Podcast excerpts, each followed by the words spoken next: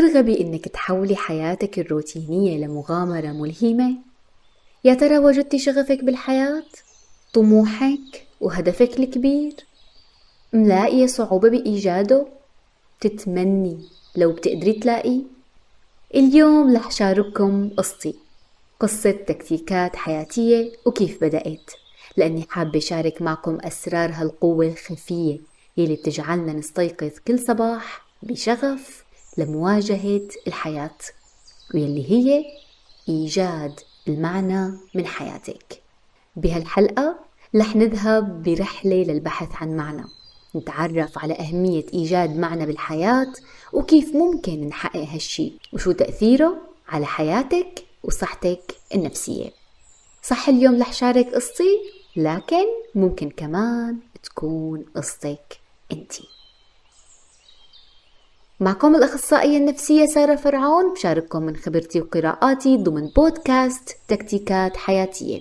هدفي نشر الوعي بأهمية الاهتمام بجانبك النفسي حتى تكوني أكثر راحة وسعادة. مواضيع جديدة ومتنوعة وبعتمد بشكل أساسي على أبحاث ودراسات أجنبية حديثة. بحب أذكر أنه إذا حابة تحجزي استشارة نفسية معي بتقدري تعملي هالشي عن طريق زيارة الموقع الإلكتروني الموجود بصندوق الوصف. عنوان حلقة اليوم قصتي وربما تكون قصتك أيضا. كان يا مكان مو كتير بقديم الزمان. كان عمري 18 سنة يعني تقريبا من تسع سنوات. من تسع سنوات خطوت أول خطوة بطريق تحقيق حلمي. سجلت بالجامعة اختصاص علم نفس بالرغم إنه مجموعي بالثانوية العامة كان يأهلني إني أدخل كل فروع الهندسة. لكن كنت كتير مبسوطة بأول خطوة وشغفي من زمان هو علم النفس. بعرف إنه المشوار طويل وطلع يعني أطول من ما توقعت لكن ما بنسى الذهاب على الجامعة بالسنة الأولى.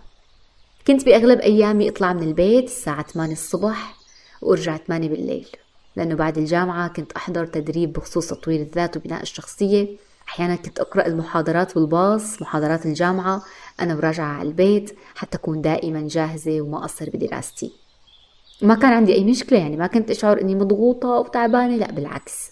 لأني عم مارس شغفي فكنت كتير سعيدة. بالجامعة كانوا يطلبوا منا شيء اسمه حلقات بحث. في مواد معينة إلها جانب عملي. الجانب العملي هاد إنه نعمل بحث عن موضوع معين. أحيانا الدكتور بيحدده أحيانا نحن بنحدده. فبحلقات البحث بعد ما نبحث عن هذا الموضوع ونكتبه بضمن يعني نجهزه يعني ويكون جاهز بينطلب منا إنه نقدم هذا الموضوع. نقدم طبعا هذا الموضوع أو هذا البحث أمام الدكتور وأمام زملائنا بيكونوا كلهم جالسين بالقاعة أو المدرج حسب يعني عدد الزملاء أو الطلاب الموجودين. بالسنة الأولى كنا كتار فبأحد المواد كنا متواجدين بمدرج مدرج كبير. طلعت كنت لهلا بتذكر عم بحكي عن التفكير الإبداعي أو الذكاء الإبداعي على ما أظن. كنت محضرة ومبسوطة ومتحمسة متحمسة كتير إني أنا عم شارك أفكاري والأشياء اللي كنت أقرأها وهيك. فطلعت وبدأت أحكي. أغلب الطلاب يعني لأنهم سنة أولى فكانوا شوي عندهم توتر فكانوا يقرأوا قراءة يعني أو يكونوا مجهزين مع ورقة بإيدهم ويقرأوا منها. أنا لا إنه يعني لأني بحب هذا الشيء حضرت منيح وطلعت كأني عم بلقي محاضرة. فكله هدوء الدكتورة هدوء الطلاب كلهم مدهوشين بكيف أنا عم بعطي وهيك. آخر شيء كله سفق لي. ف يعني هي الشغلة ما بتصير يعني ولا مرة سفقنا يعني كان في تصفيق لأي حدا من الطلاب. فهون أنا يعني بتذكر بهي اللحظة في حدا أو في في صوت عفوا في صوت بدماغي اللي سارة أنت على الطريق الصحيح. لأنه بتعرفوا اختصاص علم النفس يعني بمجتمعاتنا العربية آه يعني هذا الاختصاص شو بدك فيه؟ آه هذا للمجانين شو بدك بهالاختصاص آه بكرة ما حتتزوجي. البنات اللي بيدرسوا بهذا الاختصاص ما بيتزوجوا. عن جد يعني تعرضت لكتير تنمر. ما حتلاقي عمل. يعني في كتير كتير تعرضت للمجتمع يعني. آه إنه شو بدك بهذا الاختصاص وهيك. فيعني كنت كنت صغيرة عمري 18 سنة ما كان عندي هالوعي الكبير. فبصراحة تخطر لي أفكار إنه معقول هيك يصير معي. معقول عن جد يكون أنا عم بختار الشيء الخطأ. معقول يكون يعني خياري الاختيار عفوا اللي اخترته غير صائب. فبعد هذا الموقف يعني لا بعد بعد هذا الموقف كأنه في شيء قال لي لا سارة أنت أنت على الطريق الصحيح إن شاء الله. فبعد هذا الموقف الدكتورة طبعا كتير أعجبت بالشيء اللي أنا قدمته وهيك. صاروا طلاب يوقفوني بالجامعة يقولوا لي أنت سارة اللي طلعتي ألقيتي هدي يعني قدمتي حلقة البحث بالعنوان الفلاني وكذا فانشهرت بالجامعة. فهالشي كمان خلاني أكتشف إنه عندي قدرة على الإلقاء. أه بحب أحكي بالمحاضرات بحب أعطي محاضرات. فخطر لي إني اتوجه لتقديم المحاضرات والورشات. رحت سجلت دورة لحتى طور مهارات التواصل عندي أو خلينا نقول مهارات الإلقاء آه، لحتى أتعلم كيفية بناء المادة العلمية لأنه هذا كله علم. كيف تبني مادة علمية مشوقة تجذب الآخرين؟ فهذا كله بده دراسة. سجلت دورة كان مدتها يمكن ثلاثة شهور أو هيك شيء. آه كمان الحمد لله تميزت بالدورة وطلعت الأولى بالدورة آه مع أنه كان معظم الموجودين بالدورة معي آه ما شاء الله يعني ناس ما لهم عاديين بين قوسين. ناس آه، فخمين كبار مديرة مدرسة مهندس آه، مهندس الديكور آه، أستاذة باللغة العربية. يعني كان في كتير أشخاص ما شاء الله عندهم درجات علمية عالية. لكن الحمد لله شغفي خلاني لاقي مكان جيد بيناتهم. وهيك مضت السنة الأولى والثانية بالجامعة. خلال السنة الثانية انخطبت. بصراحة ما كان الزواج ضمن مخططاتي على الأقل يعني بسنوات الجامعة. كانت مخططاتي ماجستير دكتوراه يعني. لكن سبحان الله يعني مو دائما بنختار نحن الوقت المناسب. ممكن تجي أشياء بوقتها غير ما نحن مخططين لكن أكيد خطط رب العالمين أفضل من خططنا. شعرت أنه هذا هو الشخص المناسب ولطالما أنا آمنت وبآمن أنه الأسرة والأشخاص هم لازم يكونوا أولا قبل العمل قبل الدراسة قبل أي شيء تاني. طالما طبعا هن داعمين طالما هن داعمين لهذا الشيء فهن أولا. بالسنة الثالثة تزوجت وللأسف كان زواجي على سفر. لظروف ما سافرنا على السودان. وبعد أسبوع العسل وفرحة بداية الزواج والدخول على عشة الزوجية. بدأت بداية النهاية. وجدت نفسي بالمنزل وحيدة بدون عائلة بدون جيران ولا أصدقاء ولا جامعة ولا حتى دورات ولا تطوع. يعني كان يومي مثل ما خبرتكم يعني يومي طويل دورات وجامعة وتطوع. بالإضافة لهالشي وجدت نفسي إني ببلد مناخها غريب جدا عن مناخ بلدي اللي عاش بسوريا اللي بيعرف أوزار سوريا وزار السودان بيقدر يعرف الفرق منيح. سوريا بلد الياسمين بالصيف بتلاقي في بتمشي بتمشي إذا مشيتي بين أشجار بتلاقي نسمة حلوة. آه، الشمس مالها كتير سيئة يعني لدرجة الواحد يدوب. هلأ مؤخرا صار الصيف كتير حار. لكن من قبل كان الصيف لطيف حتى بالليل يكون في نسمة باردة آه، تمشي بشوارعها بحاراتها آه، تمشي تحت شجرة آه، تحسي في رطوبة.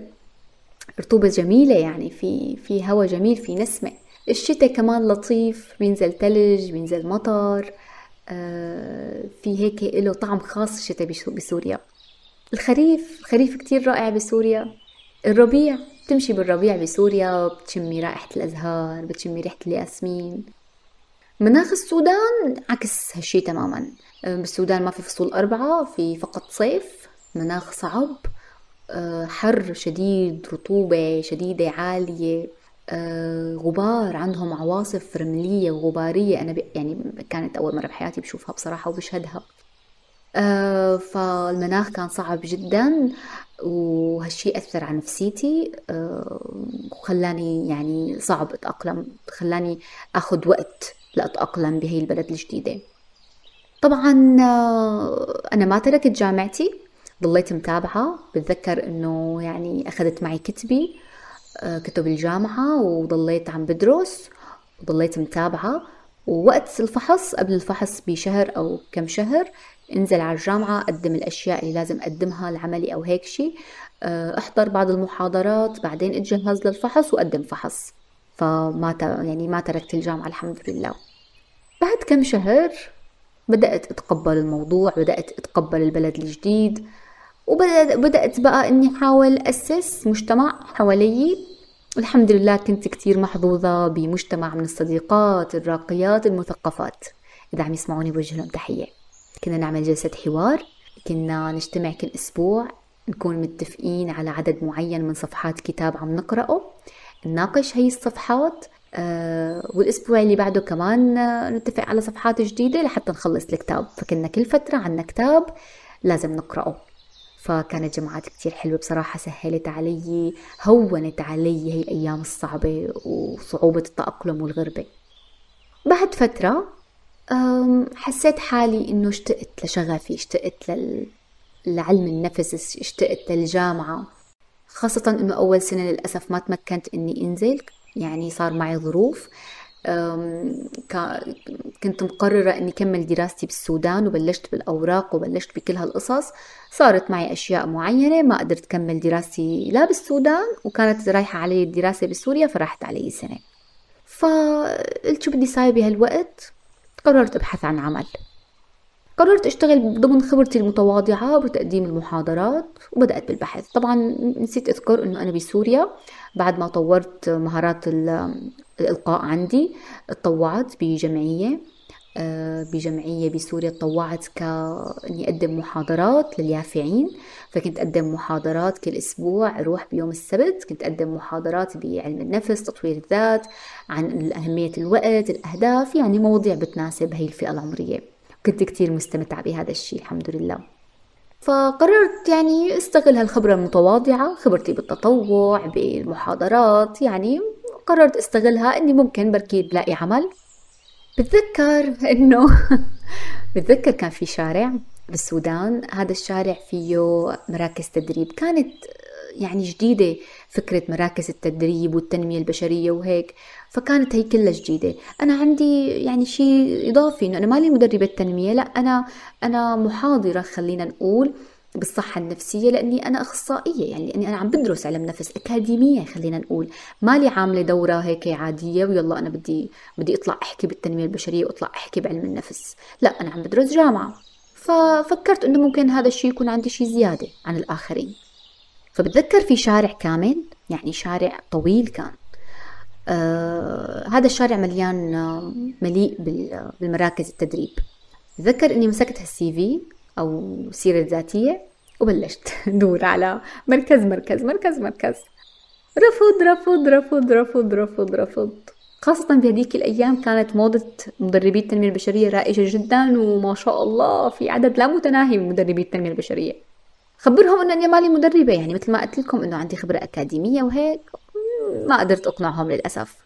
في منهم أعطوني بعض التجارب لكن يعني أنا ما ارتحت فما كملت.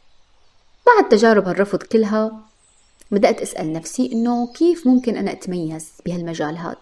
صار في شوية زحمة. وكيف ممكن أستغل وقتي؟ هذا الوقت الضائع. راحت علي سنة وأنا قاعدة بالبيت. طيب شو بدي أعمل؟ طلعت بفكرة إني طور لغتي الإنجليزية لأنه لاحظت أنه أغلب الأبحاث والدراسات الحديثة موجودة باللغة الإنجليزية. يعني إذا بدي أي بحث بدي أي دراسة بالسنة الحالية ما حلاقيها بالعربي للأسف حلاقيها بالإنجليش. فليش ما طور لغتي الإنجليزية لحتى أنا أتميز عن باقي الأشخاص الموجودين بمجالي؟ وأكون على اطلاع بأحدث الأبحاث خصوصا مجالنا مجالنا يعني مجالنا من أحد المجالات يلي كتير لازم نضل على اطلاع وعلى قراءة لأنه كله نظريات وكل يوم بتطلع نظرية جديدة كل يوم بتطلع دراسة جديدة. والإنسان يعني شخصية الإنسان جدا معقدة.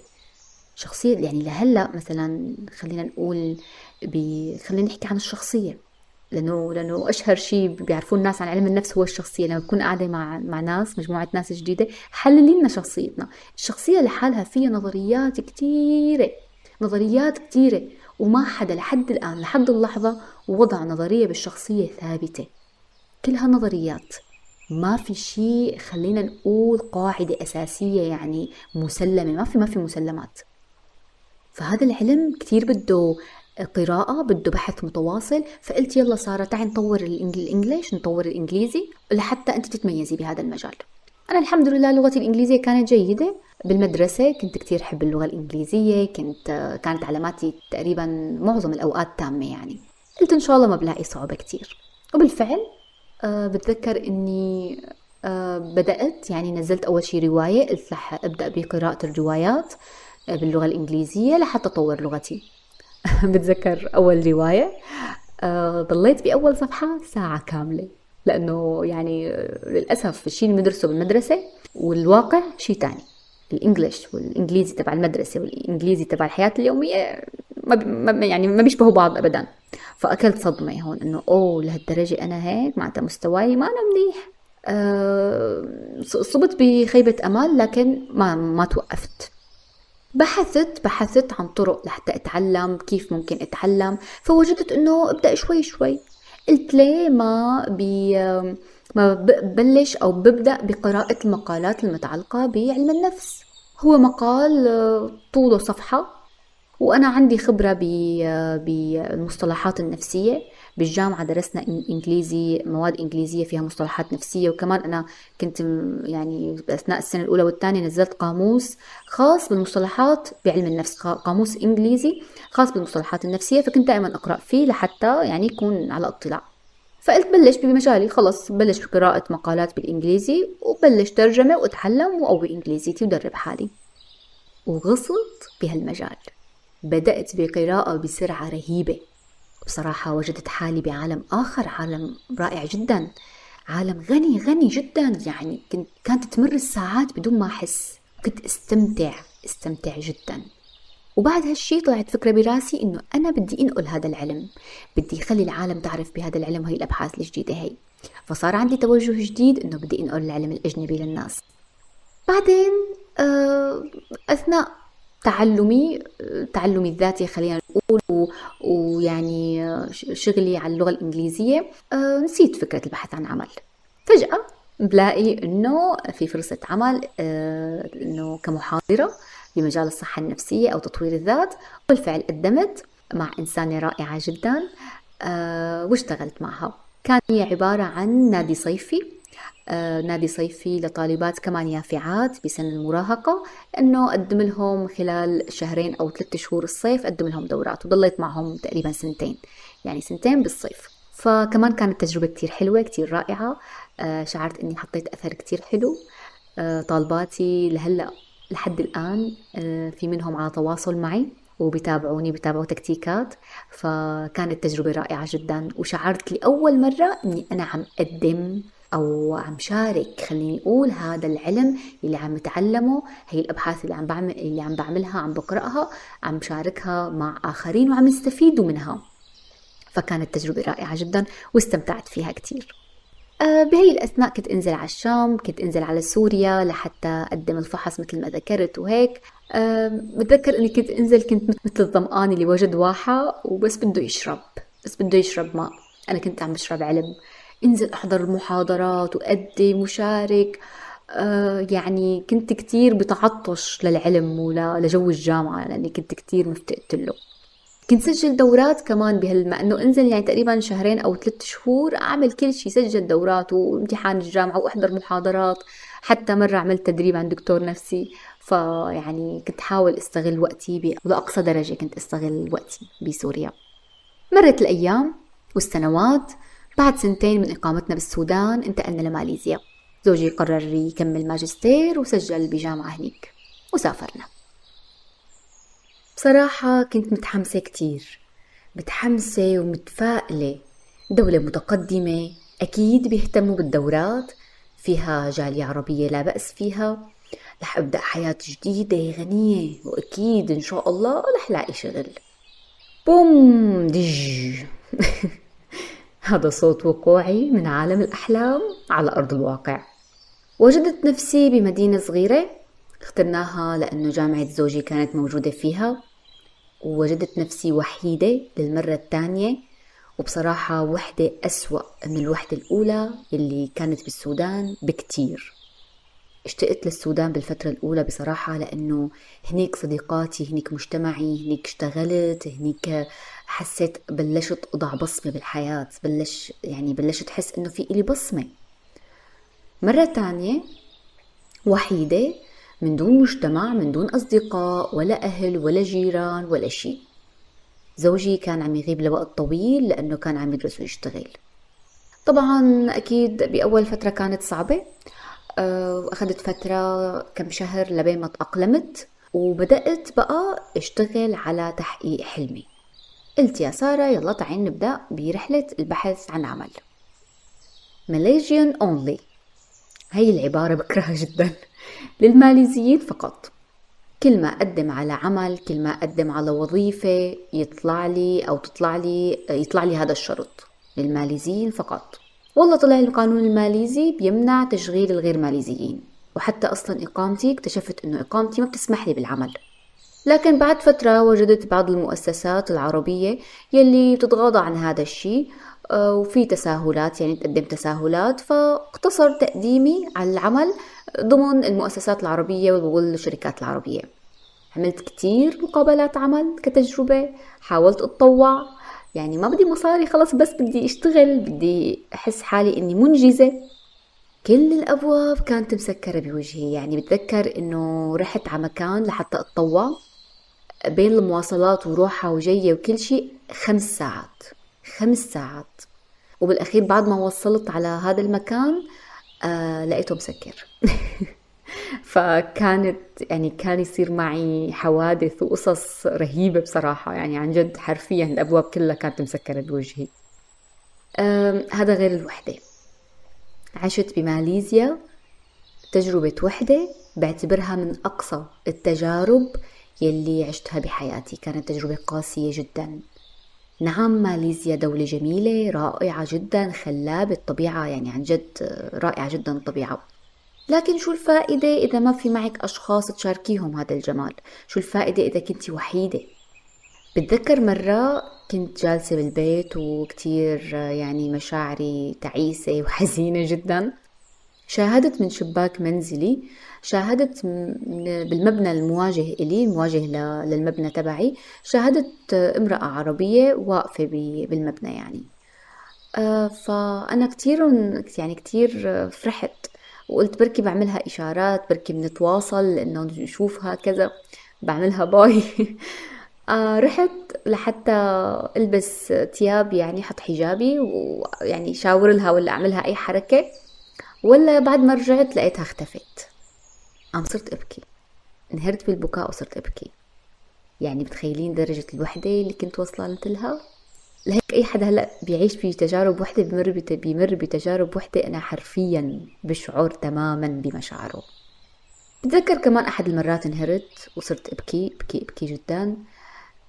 وكنت عم, بت... عم كنت عم بحكي مع صديقة من صديقاتي عم فضفض لها يعني. إلها إنه بدي أشعر إني منجزة بدي أشعر إني عم أعمل شيء بدي أمشي بطريق تحقيق حلمي بدي يكون لحياتي معنى بدي وصل رسالتي بدي أحس إنه آه، صوتي مسموع عندي رغبة قوية إنه يكون صوتي مسموع وصل رسالتي. يعني لو كنت بسوريا مثلا كنت لسه استمريت بالتطوع كان لسه لي نشاطات بالجامعة لكن أنا هلأ قاعدة بالبيت بنزل على الجامعة بس يعني بآخر الوقت لحتى أقدم كل شيء بآخر الوقت وبس. دراستي كلها بالبيت الدراسة كلها أونلاين الدورات أونلاين ما عم حس حالي في تفاعل مع الناس. فهذا الشيء كان كتير قاهرني بصراحة. فبتذكر صديقتي قالت لي سارة ما بعرف شو بدي أقول لك لكن أنا شايفة وحدة قدامي متعطشة للعمل والإنجاز. وبعد المحاولات وتجارب الرفض هي كمان قررت أتعلم من هي التجارب واستغل هالوقت هاد بتطوير مهاراتي. وبما أنه خلال هالفترة هي كانت لغتي الإنجليزية لا بأس فيها فاتجهت لدورات الأونلاين. كنت متعرفة على موقع كورسيرا جديد وبصراحة كان هذا الموقع بمثابة كنز لإلي. آه، موقع كورسيرا هي عبارة عن منصة بتضم دورات محترفة آه، رائعة جدا بمختلف الاختصاصات والمجالات. هاي الدورات مقدمة, مقدمة من جامعات عريقة وكبيرة من مختلف أنحاء العالم. فبتلاقي جامعات مثل أوكسفورد هارفرد بتلاقي شركات مثل جوجل بتلاقي جامعات مثل سيدني بنسلفانيا أونتاريو. آه في كتير جامعات صراحة فخمة يعني. بدأت سجل بهي الدورات ودورة ورا دورة دورة ورا دورة. كتير استمتعت فيها كتير ضافت لي معلومات ضافت لي معلومات جدا غنية وقوية بصراحة يعني. معلومات كتير فادتني بمجالي. وهلأ حاليا سبحان الله يمكن مرة سجلت ستوري إنه كنت عم حضر لحالي لاستشارة. كنت عم حضر لجلسة لاستشارة فعم حضر إنه آه، يعني حسب الحالة اللي عندي. فافتكرت معلومة قرأتها بدورة من هدول الدورات فرجعت لهالمعلومة. فصرت أضحك. طلعت على التاريخ ايمتى حضرت هاي الدورة؟ كان ب 2020 فقلت سبحان الله دورة من ثلاث سنوات بهداك الوقت. كنت وحيدة وكنت شعرة بعدم الإنجاز وشعرة بكتير مشاعر سلبية. لكن مع هيك قررت استخدم هذا الوقت استغله. وهلأ أنا عم بستفيد من هذا العلم. هلأ أنا عم بستخدم هذا العلم يلي آه، استفدت منه بهداك الوقت. فكنت كتير سعيدة بهدول الدورات. لكن كان في شعور ما كان ما كان عم يختفي يعني. في شعور ضل موجود. واللي هو إنه كان عندي رغبة قوية إني شارك هالعلم مع الآخرين. يعني أنا ما بحب أكتفي بالعلم بس لإلي. okay بتطور من حالي بحب. لكن كان عندي رغبة قوية يمكن كنت مستعجلة بصراحة إني شارك هذا العلم مع الآخرين. بهذاك الوقت كانت صفحات الفيسبوك جديدة بأنه يطلع شخص يشارك حياته يشارك stories يشارك منشورات تجاربه وهالقصص هي. فكنت عم تابع بعض الشخصيات يلي عم تعمل هذا الشيء فقلت ليه ما أعمل مثلهم؟ خطرت لي هي الفكرة. ترددت بالبداية بصراحة لأني أنا شخصية بحب التفاعل المباشر أكثر من ال social media والعالم الافتراضي. لهيك اتجهت بصراحة للمحاضرات. بحب شوف الناس بحب شوف وجوههم بحب أتفاعل معهم. كان عندي صعوبة إني أبدأ بمجال ال social media لأني ما بحب أتفاعل مع ناس ما مالي شايفة وجوههم. ما بحب أتفاعل مع ناس من ورا من ورا شاشة. ما بحب كمان نزل صوري على على السوشيال ميديا. بتذكر لما كنت مت... كنت بجمعية متطوعة آه، يعني بالسنة الأولى جامعة بسوريا. بتذكر كانوا يصوروا وننزل ينزلوا صور على الفيسبوك. أنا ما كنت أرضى أنزل صوري. ما أحب يعني يعني ما أحب نزل صوري. ما عندي هذا ال... ما عندي هي الرغبة بصراحة. ما بحب أشوف صوري على ال social media. فقلت خلص بدون ما أنزل صوري وخليني أجرب. وبالفعل استشرت الأصدقاء والعائلة وشجعوني كثير وبالفعل بدأت بصفحة تكتيكات حياتية. بدأت تقريبا ب متابع ما بين العائلة والأصدقاء. والحمد لله بلشت تكبر هالصفحة. حياتي اختلفت تماما. بعد ما بدأت أشعر إني عم بمشي بدرب تحقيق هدفي وطموحي بعد ما حسيت إنه فعلا لحياتي معنى صار صرت عم بمشي بالمعنى اللي أنا آه اللي أنا اخترته لحياتي إني فيد الناس أجعل هذا المكان مكان أفضل للعيش مثل ما الله أمرنا. ف وكمان إني إني شارك شغفي وطموحي والمعلومات اللي عندي مع الآخرين. فكنت كتير سعيدة إني بدأت أحقق هذا الشيء وإني فيد الناس بالعلم اللي عم بتعلمه. الحمد لله التعليقات كتير كانت حلوة وكانت تسعدني وتقويني وتحفزني دائما لحتى أكمل. وبالعكس تكتيكات حفزتني أتعلم وأحضر دورات أكثر وأقرأ أكثر لحتى يكون عندي محتوى جديد وقيم ومفيد لحتى شاركه معكم. ومريت السنين ومريت الأيام ووصلت لهون. تكتيكات تقريبا هلأ صار لها آه، أربع سنين واليوم الحمد لله أنا متخرجة.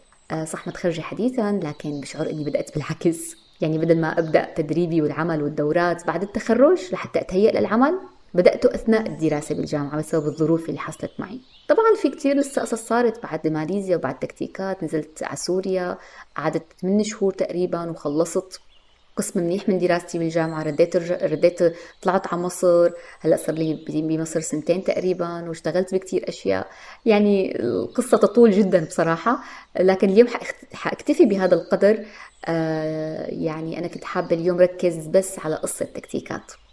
بعد فترة أنشأت حساب على الإنستغرام لتكتيكات واليوم نحن 25 آه، ألف متابع على الفيسبوك. وخلال هالفترة كلها هي تم نشر أكثر من 675 منشور خلال هالأربع سنوات هي.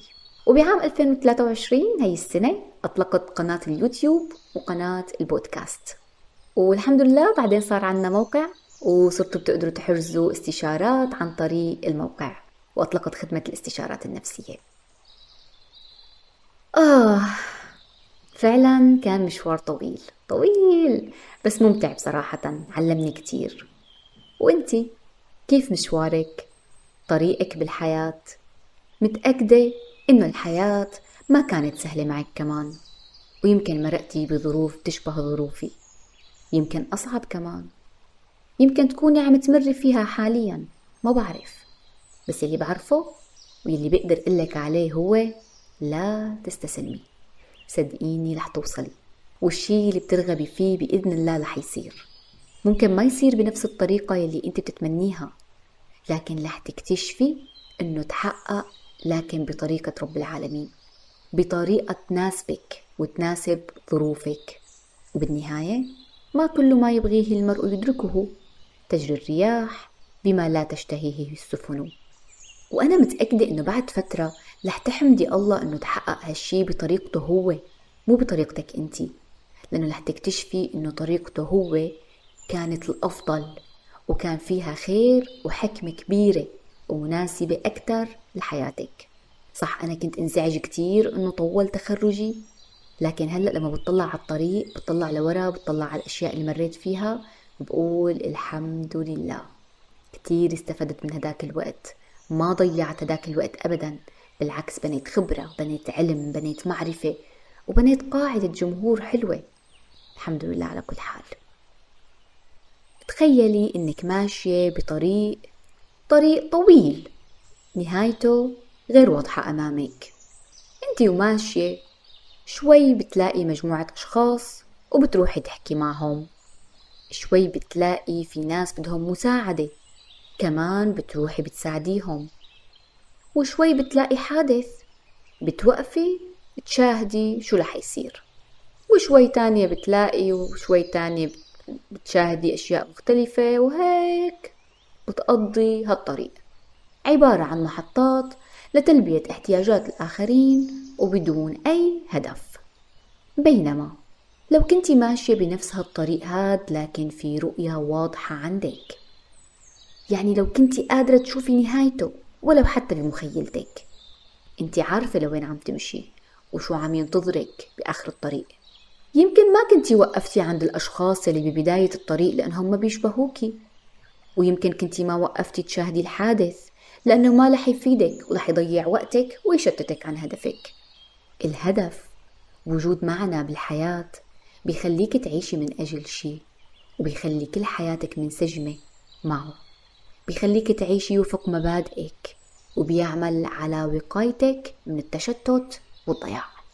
بالإضافة لهالشي وجود معنا بحياتك بيعطيك إحساس عميق وشعور جميل بأنه أنت موجودة بهالحياة لسبب وأنه وجودك مهم وأنه عندك مساهمة فريدة لتقدميها للعالم. أظهرت الدراسات أنه وجود شعور واضح بالهدف بالحياة بيرتبط بالعديد من الفوائد الصحية البدنية والنفسية كمان فهو بيعمل على زيادة المرونة عندك. وبيخفض من مستويات التوتر وحتى ممكن يكون عامل لزيادة عمرك. بالإضافة لأنه بيرفع من تقديرك لذاتك بشكل غير عادي. أجريت دراسة مبتكرة نشرت بمجلة Psychology Science أو العلوم النفسية. وجدوا أنه الأشخاص يلي بيمتلكوا هدف ومعنى بالحياة بيميلوا أكثر لممارسة سلوكيات صحية مثل ممارسة الرياضة بانتظام واتباع نظام غذائي متوازن. وهالشي بيساهم بزيادة صحتهم النفسية وبيخلي كمان عندهم مستويات أعلى من الرضا عن الحياة والسعادة. بدراسة تانية نشرت بنفس المجلة وجدوا أنه وجود معنى بالحياة بيأثر على المقاومة النفسية والصبر والتحمل بوجه التحديات. هالشي بصراحة لمسته تماما بحياتي. لما كنت أتعرض لأي مشكلة أو صعوبة أوكي انزعج اتوتر ابكي أضعف. بس بعدين قوم من جديد. فكر وخطط لحتى أعرف كيف ممكن أتجاوز هالمشكلة. بيصير كل شي بيصير معك بالحياة وتتعلمي منه. تعلمت من الرفض كتير أشياء من الوحدة من خيبات الأمل المتكررة. كنت أشعر أنه كل تحدي كنت أمرق فيه كنت أطلع منه بشخصية جديدة. وبقناعات مختلفة. بينما لو ما كان عندي هدف معنى بالحياة غالبا كنت غرقت بهالصعاب هي بهالمشاكل وكان كتير صعب إني أخرج منها لأنه أصلا ما عندي شي تاني فكر فيه. وجود معنى بالحياة بيأثر كمان على بناء علاقات اجتماعية صحية وقوية مع الآخرين. وهالشي بحسب بحث نشر بمجلة Personality and Social Psychology. كمان لمست هالشي بحياتي. خبرتكم إنه بماليزيا كان كتير عندي شعور بالوحدة كنت أشعر بالوحدة بشكل كبير. كنت مفتقرة لوجود أصدقاء أو وجود صديقة. بتصدقوا كم صديقة أو خليني أقول كم صبية قابلت لحتى لاقي صديقة بتشبهني؟ قابلت شي عشرة قابلت عشر أشخاص عشر بنات. لحتى لاقي صديقة بتشبهني. يعني مو يعني إنه هدول العشرة كلهم يعني سيئين أو شيء لا لا لا بالعكس. بس شخصياتهم ما بتنسجم مع شخصيتي. ما عندنا اهتمامات مختلفة عفوا ما عندنا اهتمامات مشتركة. ممكن بصراحة يعني أنا المشكلة تكون عندي أنا انتقائية شوي باختيار الأصدقاء. لكن الفكرة اللي بدي أوصلها إنه من وين جبت هالطاقة من, جو من وين جبت هالقوة كل بنت بمكان وتواصل معها ونظم مشاوير. ممكن تكون بعيدة هنيك مسافات كتير بعيدة بماليزيا. الحمد لله طبعا بالنهاية تعرفت على صديقة رائعة رائعة جدا. بحبها كتير صديقة غالية وعزيزة علي كتير واختلفت حياتي بعدها يعني تماما. والأيام اللي قضيناها سوا بصراحة كانت يعني من أجمل الأيام اللي بقضيها بحياتي.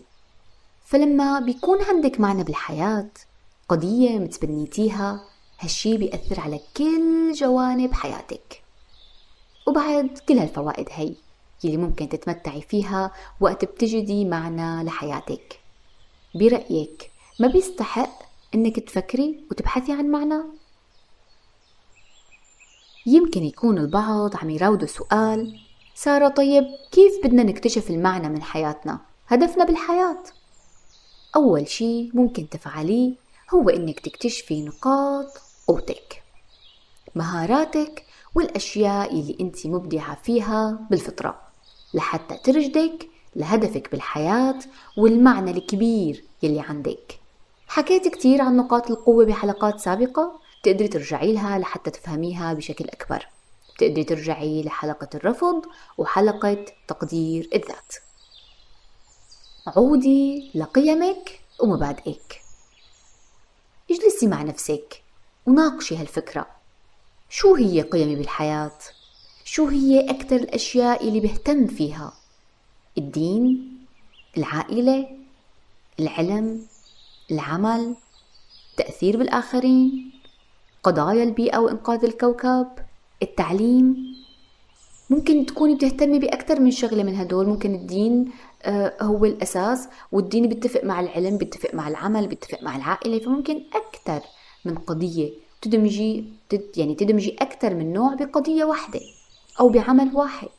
فحاولي تغوصي بأعماقك لتلاقي أو لتجدي الأجوبة المناسبة. انتبهي لظروفك. الظروف نوعين ظروف بنقدر نتحكم فيها وظروف للأسف ما بنقدر نتحكم فيها.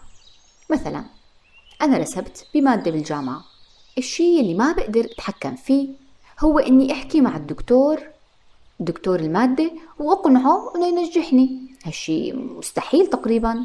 لكن الشي اللي بقدر أتحكم فيه هو إني أدرس وأجتهد لحتى أنجح. مثال تاني مثلا أنت مقيمة ببلد ما بتحبيها وما بتقدري تغادريها لسبب من الأسباب. هذا ظرف ما بتقدري تتحكمي فيه حاليا.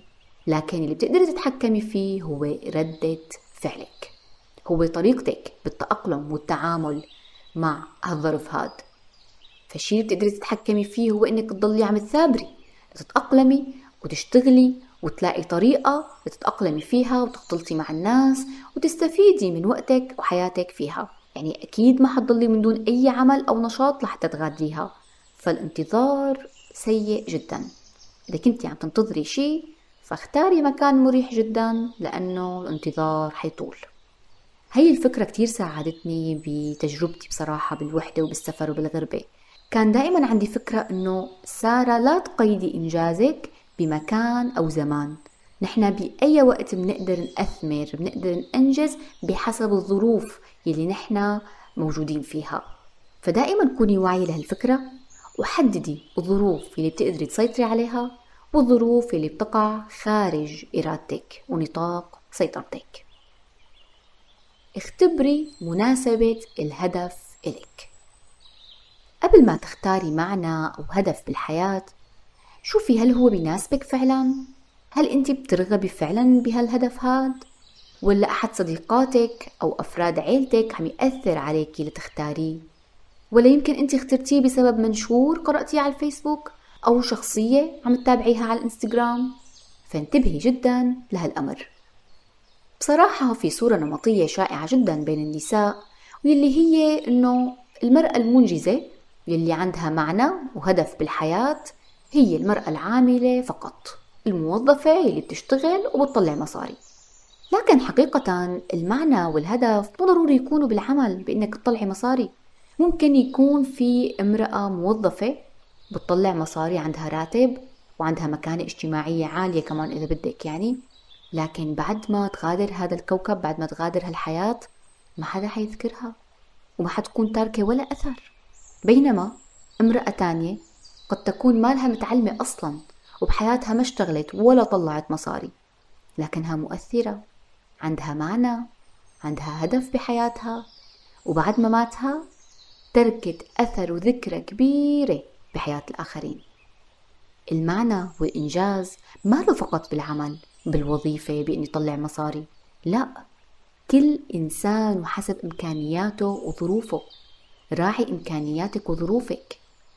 الزوجة اللي عندها أولاد وخاصة بعمر صغير ما له مناسب إنه تتركهم وتروح تتوظف إذا هي طبعا ما لها بحاجة هذا الشيء بالعكس إنه يكون عندك هدف إنك تربي هدول الأولاد تربية صحيحة وقيمة وإنه يكونوا هالأولاد ناجحين ومختلفين ومميزين. هذا شيء أعظم من إنك يكون عندك أي وظيفة تانية. بصراحة أنا عندي صديقات كتير متزوجات ما بيعملوا ما عندهم عمل لكن مؤثرين وعندهم معنى بالحياة وعندهم أهداف رائعة وعظيمة. أولادهم شخصيات يعني شخصيات رائعة جدا وهن قدوتي بصراحة هم قدوتي هدول الأمهات وبتعلم منهم. فلا تحصري المعنى أو الإنجاز أو الهدف بالحياة بأنه يكون لك عمل خارج المنزل. وأخيرا لا تستعجلي النتائج ما في حدا حيحاسبك بنهاية حياتك ويقلك ليه ما تخرجتي بالواحد وعشرين؟ ما لقيتي عمل؟ ليه ما تزوجتي بعمر الخمسة وعشرين؟ ما بصير انت عم تتزوجي بثلاثين؟ ما بصير هي القواعد كلها الناس وضعوها. لكن حقيقة ما رح يجي حدا ويسألك عنها. كل شخص له وقته المناسب. ما بنشبه بعض أبدا بظروفنا ولا بشخصياتنا. البعض ممكن يتخرج فورا ما بيرسب ولا سنة بالجامعة لكن بعد ما يتخرج ممكن ما يجد عمل بسهولة. زميله نفسه يلي رسب وتخرج آه، أو تأخر بالتخرج لما يتخرج بيلاقي فورا عمل. طب مو رجعوا نفس الشيء؟ ما رجعوا متساويين؟ فلا تستعجل النتائج واستمتعي بالسعي نحو هدفك والمعنى يلي اخترتيه بحياتك. وبعد ما تفكري بكل هالأشياء هي صار الوقت لتتخذي أول خطوة. بعرف الخطوة الأولى دائما صعبة. لكن صدقيني بعد الخطوة الأولى بتبدأ الأشياء توضح أكثر وممكن تكتشفي أشياء جديدة تلهمك بالبدء بأشياء تانية. ابدأي بالخطوة الأولى واتركي الباقي على دماغك الرائع يلي مع الوقت بيصنع وصلات جديدة وبيلاقي طريقه نحو التأقلم مع طريقك الجديد بالحياة. وطبعا اتكلي على رب العالمين اللي هو دائما بيوجهك لكل شيء في خير بحياتك. اتخذي الخطوة الأولى والباقي بيجي لوحده. بطريقك نحو تحقيق هدفك اتذكري إنه هو مو بس هدف. هدف بينتهي بمجرد تحقيقه. هو كمان معنى معنى بالحياة. يعني رح يستمر طول حياتك. لهيك لا تستعجلي الحياة طويلة أمامك. العقبات والتحديات جزء طبيعي من الحياة والكل بمر فيها. لا تخليها تضبط من همتك وتوقفك عن المضي والسعي بطريق تحقيق أهدافك. وتذكري أنه تحقيق الهدف هو رحلة ما لها وجهة. استمتعي بالرحلة لأنه دائما المتعة بالرحلة. استمتعي بكل يوم بكل لحظة من حياتك وخليها فعلا تستحق العيش. بتمنى تكون عجبتكم حلقة اليوم. تقدروا تخبروني رأيكم عن طريق صفحة تكتيكات حياتية على الفيسبوك اليوتيوب أو الإنستغرام. إما عن طريق comment أو رسائل الصفحة.